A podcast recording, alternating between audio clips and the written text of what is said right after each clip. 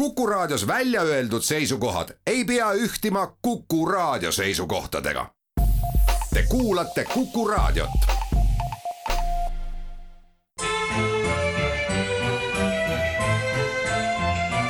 Memoria.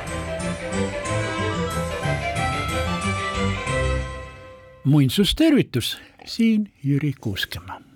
meie nimekas helilooja Veljo Tormis, kui ta veel elus oli, andis välja ka ühe plaadi pealkirjaga Kalendrilaulud.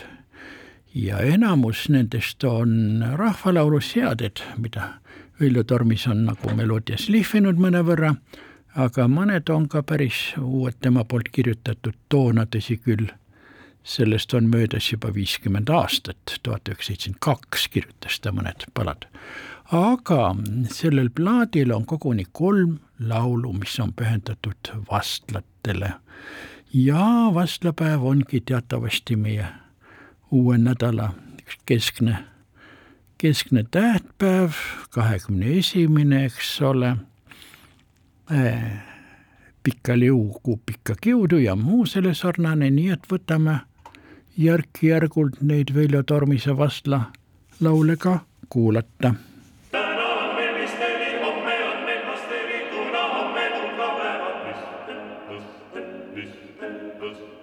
mis del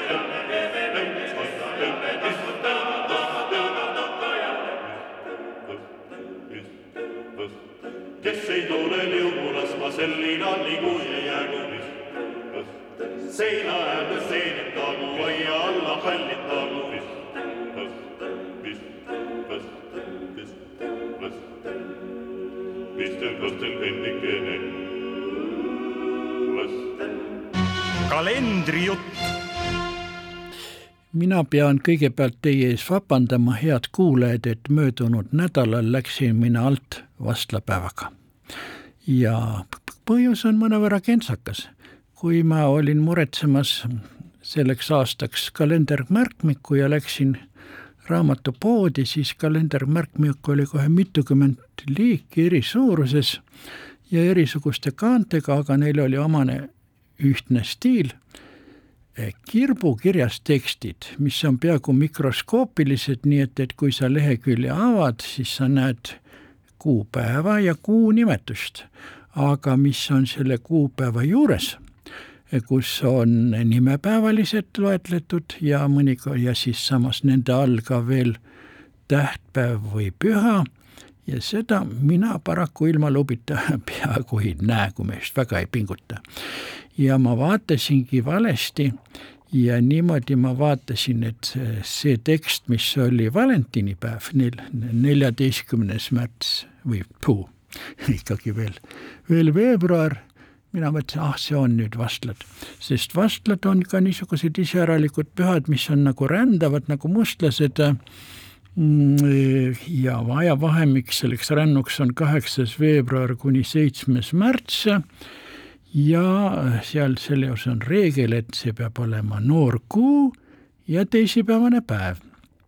ja vaat selle noorkuu ja, ja vana kuu äh, eristamise õpetuse ma sain ka rahvakalendrist, kusjuures on niimoodi, et vaat kui see kuusirp hakkab tekkima, siis see selle kaare selg jääb paremale ja siis meenutab see kuusirbikene J-tähte ja see on siis nurgu.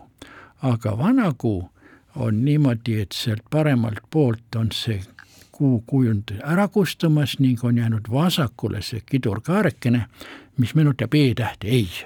nii et jah ja ei, nii et kui teil eda-, kui te pole ka nagu varem selle peale mõelnud, kuidas noorkuud ja, ja vanakuud eristada, siis on selleks see ja ja ei kujund.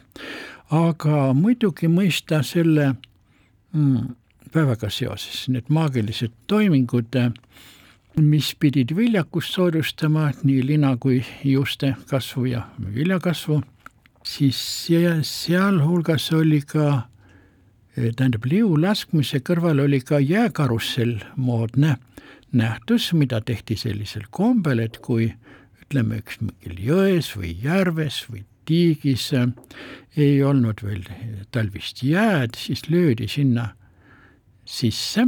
Otsapidi üks palk.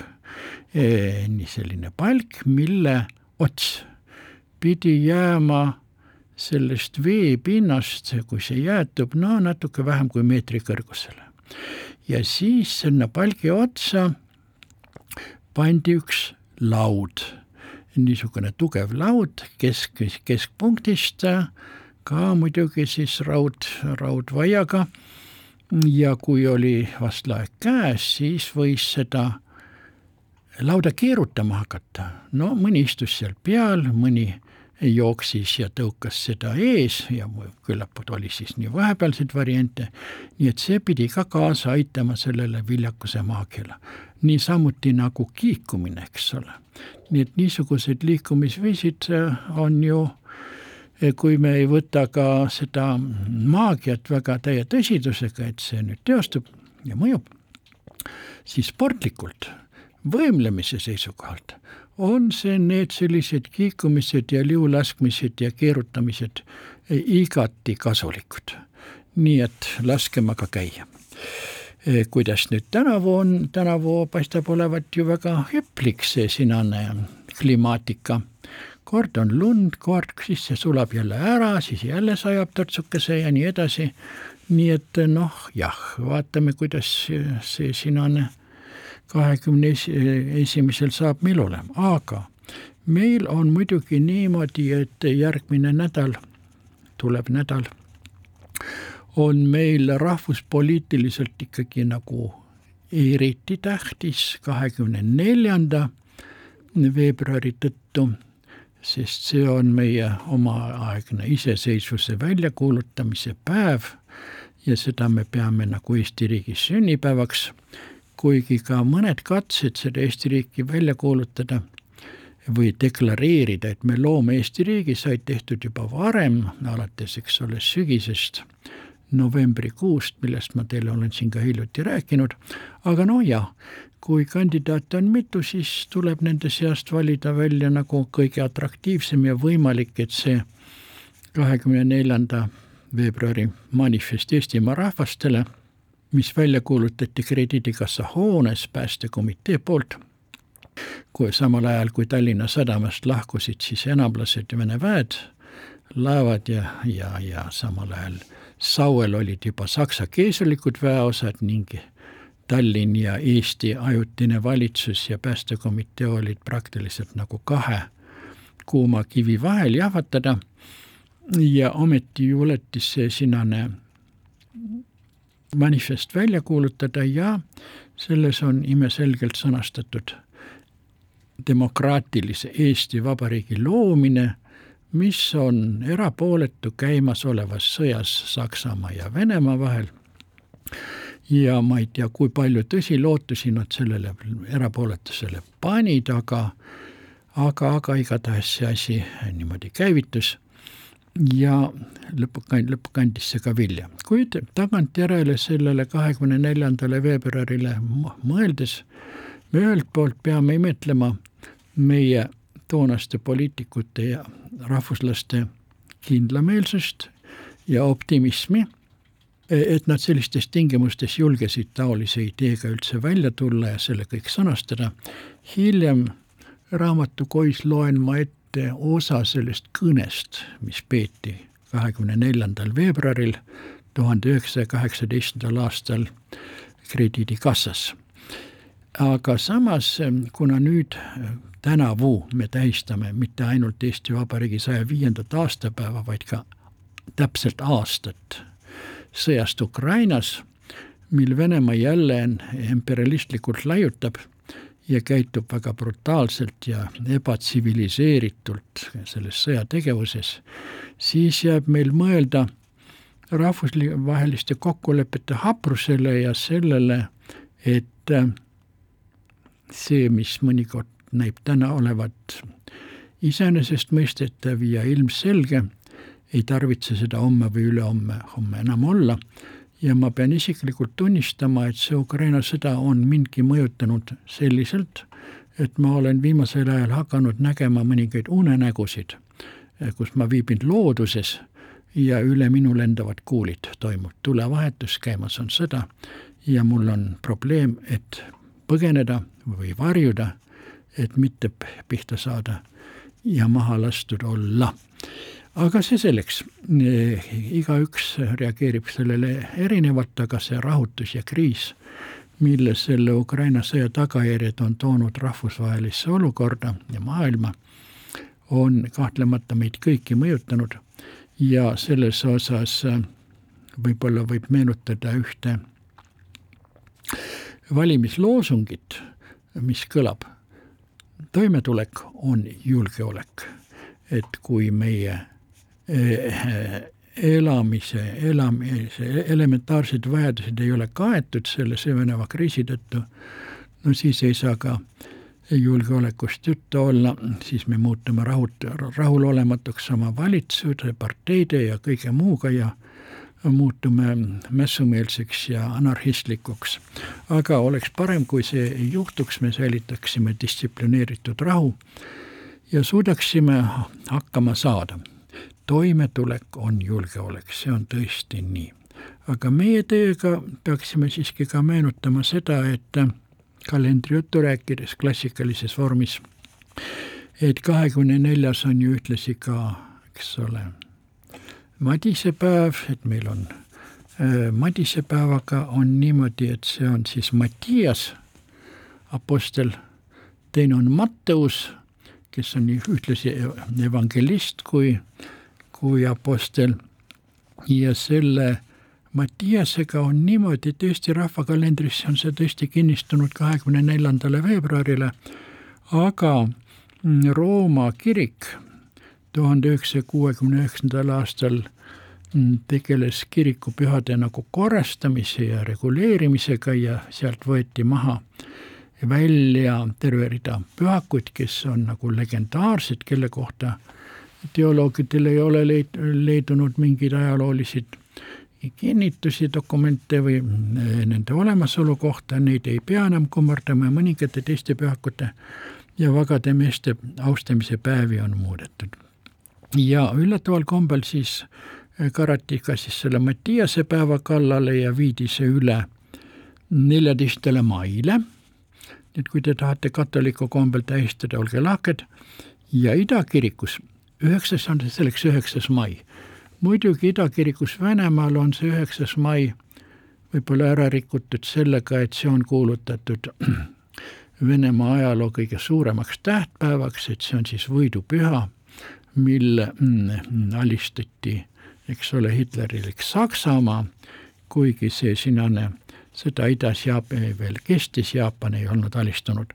aga nojah, nii see on ja meie seda sinast Mattiast meenutades eh, on niisugused ju andmed, et tema olevat olnud äh, Jeesuse jünger alates tema ristimisest Jordani jões ja teda siis ka saatnud selles kaaskonnas, kuhu kuulus kuni seitsekümmend kaks isikut. aga apostliks sai ta pärast Juudas Iskarioti reetmist ja enesetappu, kui apostleid jäi siis kaheteistkümnes veel üksteist ja siis apostlid heitsid liisku, kes saab selle Juudase asemele, nii-öelda puhas poiss ja selleks sai siis Mattias. ja hilisema tema tegevuse kohta pärast Jeesuse ristilöömist on erinevaid andmeid, mis, mis, mis ühelt poolt tikuvad väitma, et, et ta tegeles ka, oli saanud ka siis sellel lõksu löögi pühalt vaimult ja läks oma apostlit tööd tegema, alguses Juudamaal, siis läinud Kapadookiasse. no vot, Kapadookia on niisugune piirkonna nimi, mis tänapäeval ei ole enam kasutusel, aga eh, sellel antiikajal see eh, viitas Kaspia mere kandile, see on siis nüüd nüüd Armeenia ja Gruusia ja Aserbaidžaan ja sealt teisel pool siis ähm, Usbekistan, eks ole, nii et niisugused on väited ja ta olevat ka pälvinud äh, märtrisurma, see sinane Mattias, aga talvine või sügisene madisepäev on siis teisele Matteusele pühendatud on, eks ole, kahekümne esimesel septembril, see on siis sügisene madis.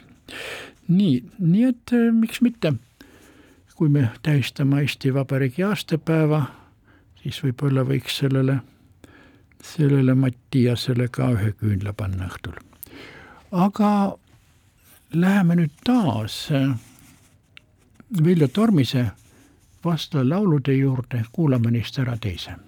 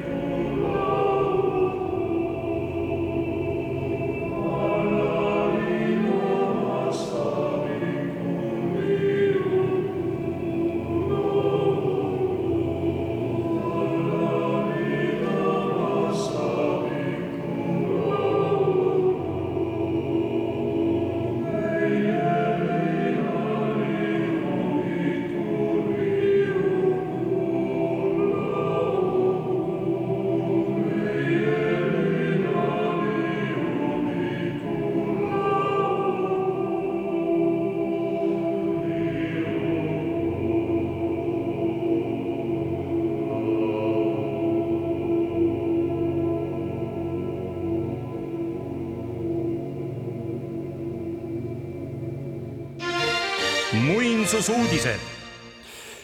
nõndaviisi, lõppeval nädalal võttis meie Riigikogu vastu otsuse punamonumentide ja Nõukogude sümboolika kõrvaldamise kohta avalikust ruumist. no seda pole minu teada nagu trükis avaldatud, aga on avaldatud teated, et ekspertide komisjon vaatas selle otsuse läbi mis on esitatud juba presidendile kinnitamiseks ja leidis, et see on mitmes punktis vastuolus Eesti Vabariigi põhiseadusega. ning sõnastus on paiguti nii ähmane, et ei saa aru, millised, ütleksime, Nõukogude sümbolid on avalikus ruumis lihtsalt ajakohane dekoor ja millised on julgeolekuohuks nii et, et see asjaolu on muidugi väga kahetsusväärne, aga muidugi natukene parem on see, et ülepea kiirustamisest otsustati loobuda, et esialgne nõue, millega välja tuldi, oli ju see, et kolme kuu jooksul peab olema kõik ära koristatud ja ära lõhutud ja nii edasi. nüüd anti siis aega, antaks veel armuaega veel kolm kuud, nii et, et see asja lõpuleviimine jääb juba uue valitsuse eh, haldusaega, aga jah, seal jamad on juba nüüd näiteks seal selles vallas ka Narvas täiendavalt pärast tankiskandaali, et kui otsustati või, või, või et volikogus arutatakse tänavanimede muutmist, seal oli siis, eks ole, kaks Eestimaa töörahva kommuuni tegelast, kelle nimed olid siiani tänavanimedeks, siis kolm veel kolm on Vene sõjaväelased, õigupoolest Nõukogude sõjaväelased, üks, vähemasti üks neist oli ka Nõukogude Liidu kangelane, mis asja nendel Nõukogude Liidu kangelastel Eesti tänavanimedel olla on, see on muidugi praktiliselt tõesti okupatsioonivärk, nii nagu Tallinnas, eks ole, kaotati ära kindral Fedjuninski tänav, mis on seal, eks ole, see suur tunnel Lasnamäel praegu, Laagna tee või kuidas teda nüüd ka nimetatakse, aga ühesõnaga nende punamonumentide nii-öelda jama kestab. Ja ma olen isiklikult ka öelnud, et et las nad olla, need Nõukogude Liidu vapid ja punased viisnurgad, sest viisnurgad on ka Ameerika Ühendriikide lipul ja neid on seal üle viiekümne ja nende kallal me keegi, keegi ei nori. Ja teisalt, vaat kui me hakkame oma lastele või ma pean oma lastelastele seletama, et mis oli Nõukogude aeg, siis on mul hea, kui ma saan seal ohvitseride maja juures näidata seal üleval viilud Nõukogude Liidu vappi ja saan näidata Tartu maanteel Torniga maja otsas viisnurka ja rääkida see sõjatööstuse Tvigateli Vene kolonistidest, kelle jaoks see maja ehitati ja samuti saan ma vaadata kinosõprust viisnurkadega ja seal kõrval olevat ankru ja punase viisnurgaga stalinistliku maja, milles vististi oli Nõukogude mereväe sõjaväe luure pesitsemas nagu seal kõrval olevateski majades, aga kui see kõik ära lõhkuda, siis noh, kaob visuaal sellest nõukogude ajast, nii et iseasi on see, et kui kuskil on seal tõesti kivitahvlid, kus teatatakse, et mälestuseks nendele, kes võitlesid Eesti vabastamise eest tuhat üheksasada nelikümmend üks, nelikümmend viis ja mõeldud ainult puna poolt, eks ole, siis äh, siia, seal pole ka hauda maetud, siis need võiks küll ära koristada ja samas äh, need, kes äh, punakangelaste puhul võiks ju ka muidugi hoida madalamat profiili sõnastuses, et kui need osa nendest tähistest võiks lihtsalt varustada siis täiendavate tekstidega või, või, või asendada need kividega, kõiki neid konte välja kaevata ja ümber matta kalmistada, minu meelest on see arutu, arutu idee. nüüd äh, siin äh, lõppeval nädalal on veel mõningaid rahulolematuse avaldusi, näiteks äh, see oli siis reedeses jah, Päevalehes, ilmus artikkel, milles kirjutis ja manati jubedat, jõledat haisu, mis olevat meie trammides. ja samas äh, nüüd selles laupäevases Postimehes oli artikkel jällegi, et sellest uuest sadamatrammist pole peaaegu mingit kasu olema. nii et rahulolematus ähm, Tallinnaga, mida mitmelt poolt rünnatakse ja seoses nüüd selle rohepealinnaga, võiks öelda nii hästi trammide, trammide kohta küll niimoodi, et et trammides valdavalt on puhas, ei ole grafitit, ei ole sodi, ei ole prahti ja haisu on väga harva, mina muidugi iga päev trammiga ei sõida, aga ma kinnitan teile, et kui kunagi võib-olla üks kümmekond või paarkümmend aastat tagasi, siis mõnikord oli trammis mõni selline heidik, kes oli, ma ei tea, kuid pesemata räpast ja tõesti haises nii hästi fekaalide kui uriini ja ma ei tea, higi järele, siis praegu selliseid haisupomme ei ole mina juba aastaid ei trammis ega bussis kohanud ega rongi, elektrirongis, küll aga lihtsalt mõned vanainimesed, kes on jäänud juba äbaraks ja väetiks, on tõesti võib-olla unustanud ennast piisava sagedusega ennast ja oma riideid pesta ja siis mõnikord levib neist niisugust äh, läppunud riiete ja higihaisu, aga seda ei ole väga palju ja selles osas noh jah, võib ju nendest siis natukene eemale minna, aga mitte teha nüüd üle Eesti jällegi skandaali, milles muidugi kõiges süüdi on jällegi Tallinna linnavalitsus.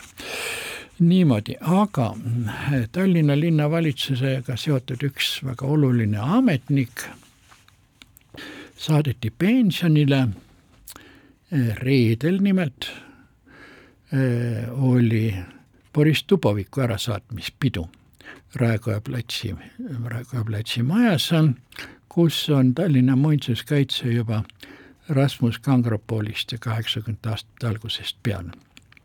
No Boris Dubovik, eks ole, tulnukas Ukrainast, sealt Karpaatidest, eks Eestis ekskursioonile sattudes, see oli siis tuhande, millal see nüüd, aastat ma ei julgegi öelda, oli, oli nii armunud sellesse Tallinna, et otsustas siia jääda eesti keele ära õppida ja, ja talle meeldis vana arhitektuur, nii et temast sai esialgu restaureerimisvalitsuse labidamees, kes Villem Raami äh, näpunäidete järgi kaevas siin ja seal, et teha kindlaks müüride liited ja vundamentide ulatus ja nii edasi.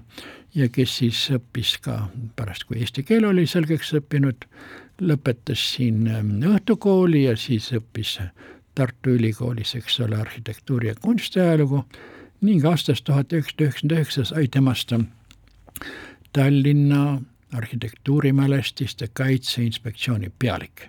no ja, ja sellel ametikohal on ta nüüd olnud, eks ole, mis see siis on, üheksakümmend üheksa, kakskümmend kolm, kakskümmend neli aastat ja see on ikka tõesti väga tubli tükk ühe inimese elust ja tema on muutunud ikka üldtuntuks tegelaseks, kusjuures osa on vaimustatud, kui millise kirega ta on eh, püüdnud ja suutnud vanalinna objekte kaitsta eh, kergemeelsete ja liiga moodsate ümberehituste või lisandite eest ja teised on jälle pahased, et Dubovik on olnud liiga karm ja noriv ja ei ole lasknud neil vabalt toimida nende oma kinnisvaraga nii-öelda asjaõigusseaduse alusel.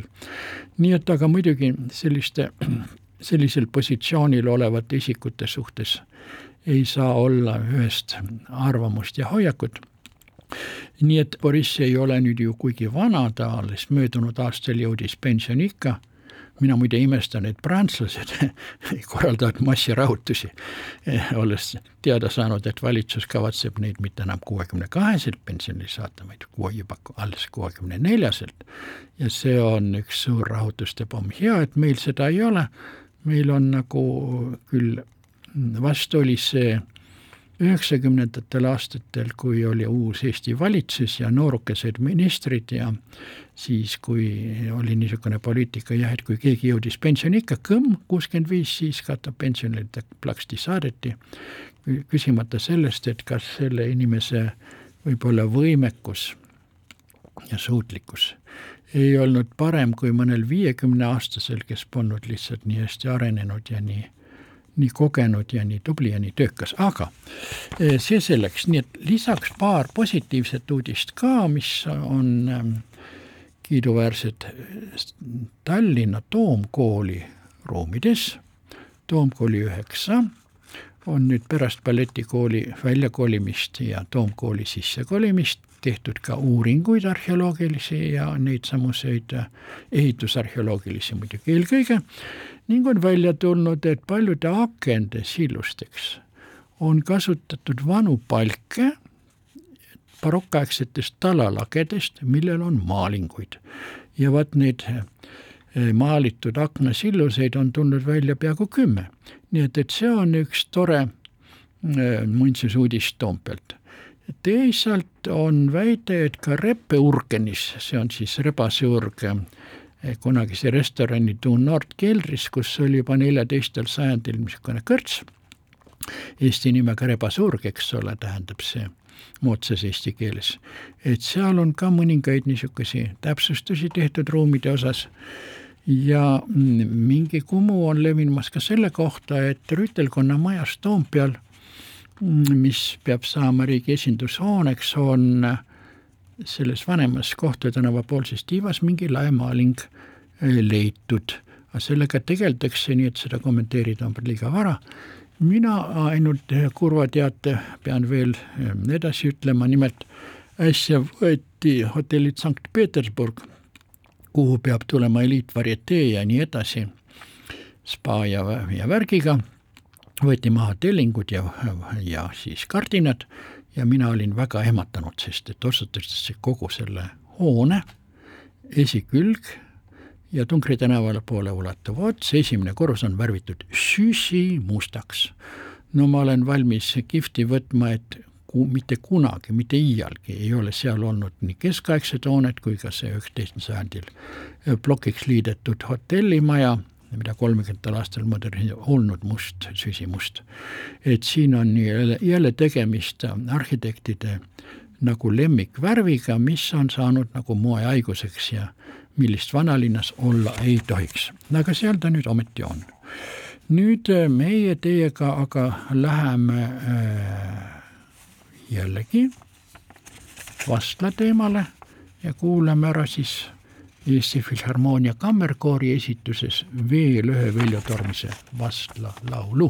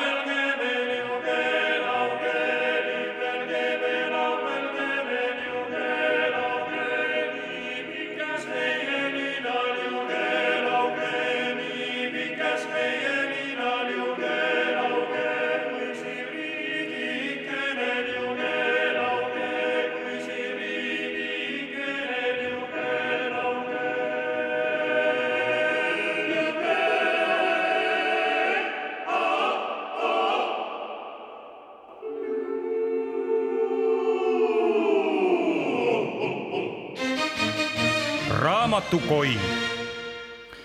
Tallinna Linnaraamatukogus on avariiulile toodud fondist aastal kaks tuhat kolmteist ilmunud raamat Eesti ajaloolised kõned, mille on koostanud Maarja Keskpaik ja kus on kakssada kuuskümmend neli lehekülge teksti ja kõnede valik on seal tõesti väga paljude markantsete isikutega seotud ja neist kõige vanem on Kristjan Jaak Petersoni kõne teemal Kuu ja kõige viimane on aastal kaks tuhat neli Eesti Euroopa Liiduga ühinemise tseremoonial Arnold Rüütli poolt kuuldavale toodud kõne. no muidugi praegu on aeg nii palju edasi läinud, et võib-olla oleks varsti aeg avaldada järgmine köide rubriigist Eesti ajaloolised kõned kuid seal on äh, selles kõnede kogumis on ka üks kõne, mis on pühendatud äh, Eesti Vabariigi rajamisele ja asutamisele, eh, kus on juttu iseseisvast Eesti Rahvariigist ja kus on siis Eesti maapäeva. Vanemate nõukogu on kõnepidajana siin märgitud, seal oli, eks ole, kahekümne neljandal veebruaril tuhat üheksasada kaheksateist, eks ole, meenutan, krediitkassa hoones kogunes siis päästekomitee ning ning, ning kuulutati välja manifest Eestimaa rahvastele, aga see tekst selles raamatus, Eesti ajaloolised kõned, on pikem, vist oma neli-viis lehekülge ja mina võtsin siit välja selle lõpuosa, mille ma teile siin ka nagu praegu ette loeksin. Mm..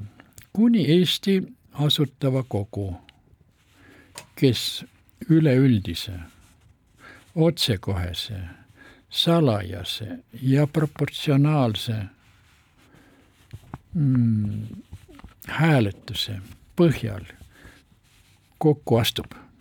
Maa valitsemise korra lõpulikult kindlaks määrab, jääb kõik valitsemise ja seadus andmise võim Eesti maapäeva ja selle poolt loodud Eesti ajutise valitsuse kätte, kes oma tegevuses järgmiste juhtmõtete järgi peab käima. esiteks, kõik Eesti Vabariigi kodanikud usu, rahvuse ja poliitilise maailma peale vaatamata leiavad ühtlast kaitset vabariigi seaduste ja kohtute ees. teiseks, vabariigi piirides elavate rahvusliste vähemuste, venelaste, venelaste, sakslaste, rootslaste ja juut-, juutide ja teiste jaoks kindlustatakse nende rahvuskultuuri autonoomiaõigus. no vahemärkusena, nagu me teame, rootslased, juudid ja baltisakslased kasutasid seda, venelased mitte, sest neid oli liiga palju erinevaid, alates ütleme, paadunud monarhistidest kuni siis äh, kommunistideni välja. aga nüüd edasi selles kõnes.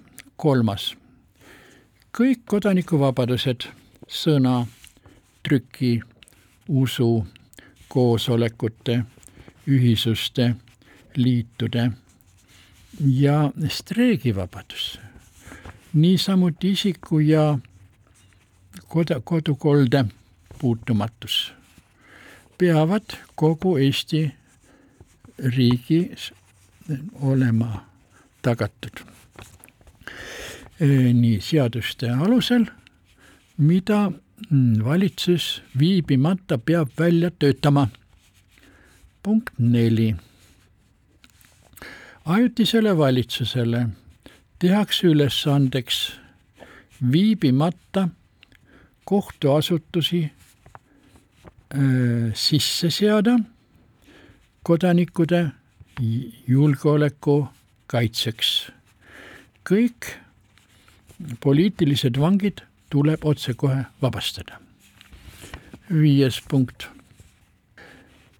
linna ja maakonna ja vallavalitsused, asutused kutsutakse viibimata oma vägivaldselt katkestatud tööd jätkama.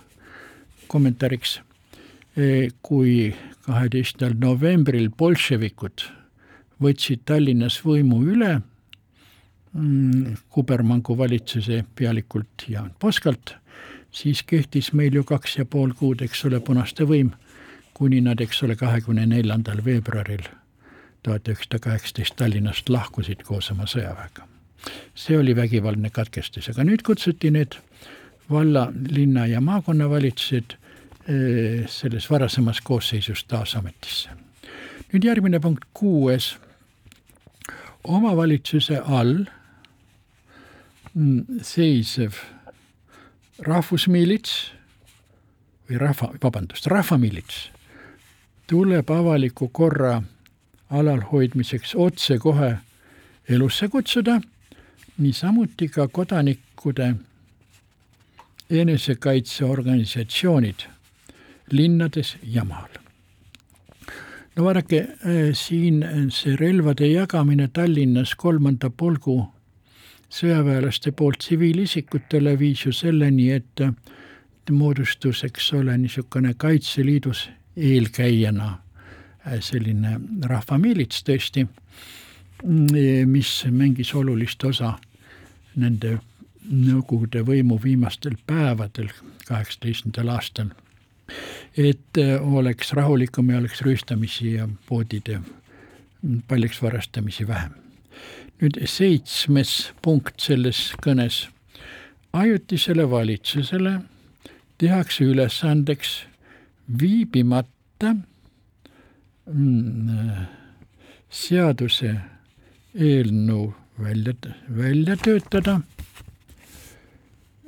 maaküsimuse, töölisküsimuse, toitlusküsimuse asjades ja rahaasjades Ehm, kusjuures jah, mm, on siin veel niimoodi, et selle järel mm, on mõned niisugused ülevad laused nagu Eesti, sa seisad lootusrikka tuleviku lävel. Kus sa vabalt ja iseseisvalt oma saatust võid määrata ja juhtida. asu ehitama oma kodu, kus kord ja õigus valitseks, et olla vääriline liikuma kultuurrahvaste perre.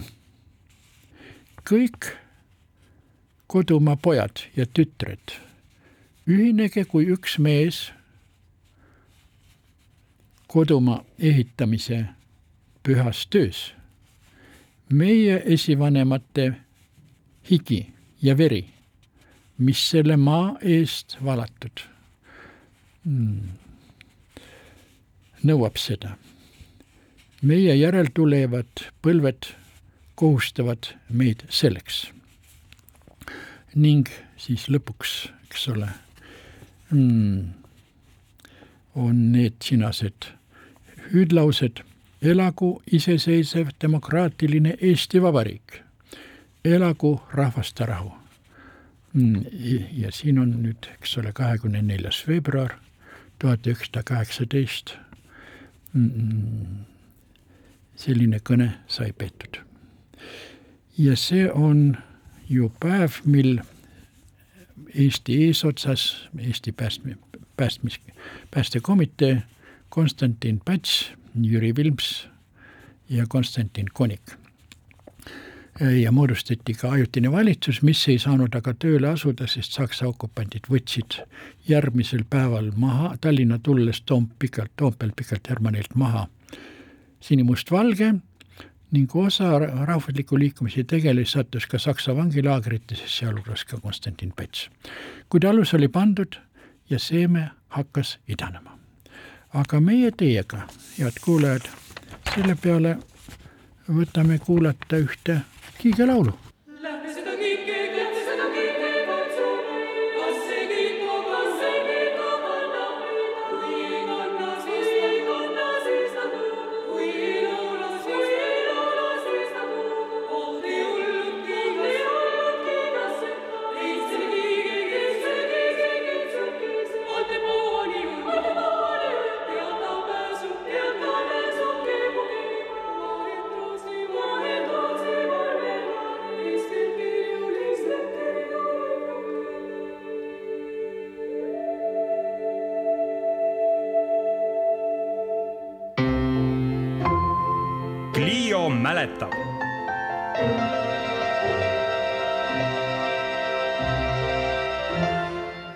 sedagi, et Tallinnas on aukodaniku tiitleid välja jagatud juba tuhande üheksasaja kolmekümne teisest aastast peale.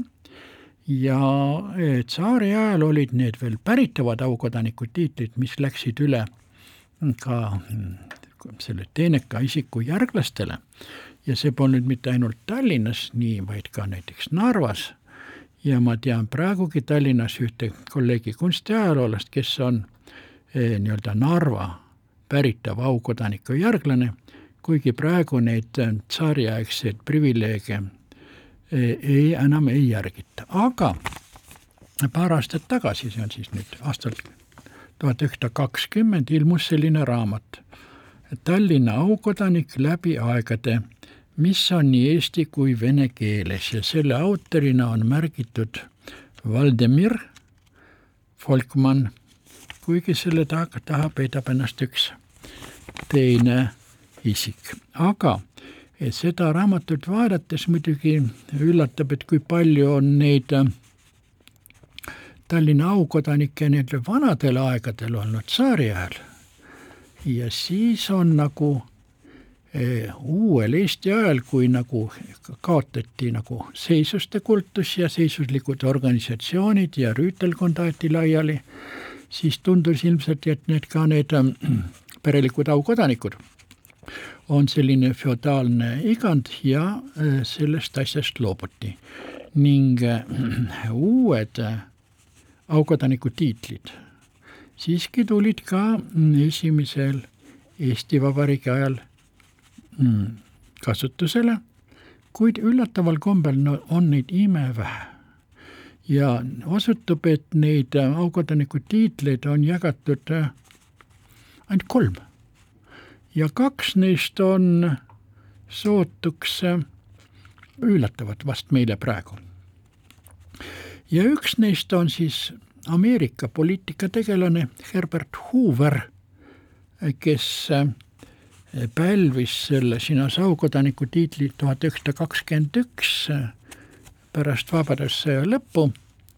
temast sai hiljem Ameerika Ühendriikide president, kuid tema mm, teened Eesti ees seisnesid selles, et tema oli Ameerika toiduabi üks eestvedajaid ning, korraldas nii, et ka vabadussõjaaegne Eesti, mis oli üsna paljaks kooritud, eks ole, Saksa vägede poolt, kes siit põhiliselt toiduaineid keiserlikul Saksamaale ja oma, tähendab, armeele vedasid. ja meil oli ju veel ka palju põgenikke nii Riiast, Lätist kui ka, kui ka Venemaalt, eks ole et kõiki neid ära toita, et meil ei tekkinud suurt näljahäda selles osas kahtlemata. Eestil oli, Eesti ees oli olulisi teeneid sellel Herbert Hooveril. Ja teine välismaalane, kes pälvis ka selle Eesti Vabariigi kõrgema tunnustuse, oli Rootsi kuningas Gustav Viies, kes külastas tuhande üheksasaja kahekümne üheksandal aastal Tallinna käis ka Haapsalus ja Ruhnus ning eh, tema mm, istutas ka Kadrioru lossi aeda, lilleaeda sinna tahapoole, selle purskava seina äärde ühe tamme. ja selle tamme juurde pandi ka mälestuskivi. aga see mälestuskivi nõukogude ajal kaevati maa sisse Õnneks ei saadetud seda kuskil kivipurusteesse ja kui nüüd tuhande üheksasaja üheksakümnendate aastate lõpul Kadrioru lossi koos Rootsi restauraatoritega nagu restaureeriti, mul oli olnud au selle projekti alusmaterjalid kirjutada, siis kaevati ka seal lilleaias, et seda taastati, taastada barokksel kujul ning leiti see kuninglik mälestuskivi üles. Ja sellel alal, kus oli Nõukogude ajal Eesti Kunstimuuseumis skulptuuriaed, rajati siis nii-öelda barokne pargiosa ning sinna mm, lülitati siis ka see puu, see tamm, mis oli üks kahe, kakskümmend üks puud võeti seal maha, aga see jäeti ilusasti alles. no ja siis edasi, kolmas äh, sõjaeelsel ajastul Eesti Vabariigi Äh, aukodaniku, Tallinna aukodanik tiitli pälvinud mees oli Konstantin Päts, seda juba pärast tema autoritaarset reformi tuhande üheksasaja kolmekümne viiendal aastal. no ja me võime ju selle üle mõnevõrra diskuteerida, äh, milline oli Konstantin Pätsi roll toona, aga ta võttis ka väga usinasti osa Tallinna kesklinna väljaarendamisest ja ja mitmetest muudest arhitektuuriga seotud aspektidest, mis kahtlemata teenivad talle plusspunkte ka niinimetatud vaikiva ajastu raames. aga nii see oli ja aukodanike traditsioon on jõudnud ka meie päevile või meie päevisse, päevadesse. Ja äh, mul jääb täna soovida teile Eesti Vabariigi toredat aastapäeva, tähistagem seda, pidagem meeles ka ukrainlasi ja ka madisepäeva olge terved, kuulmiseni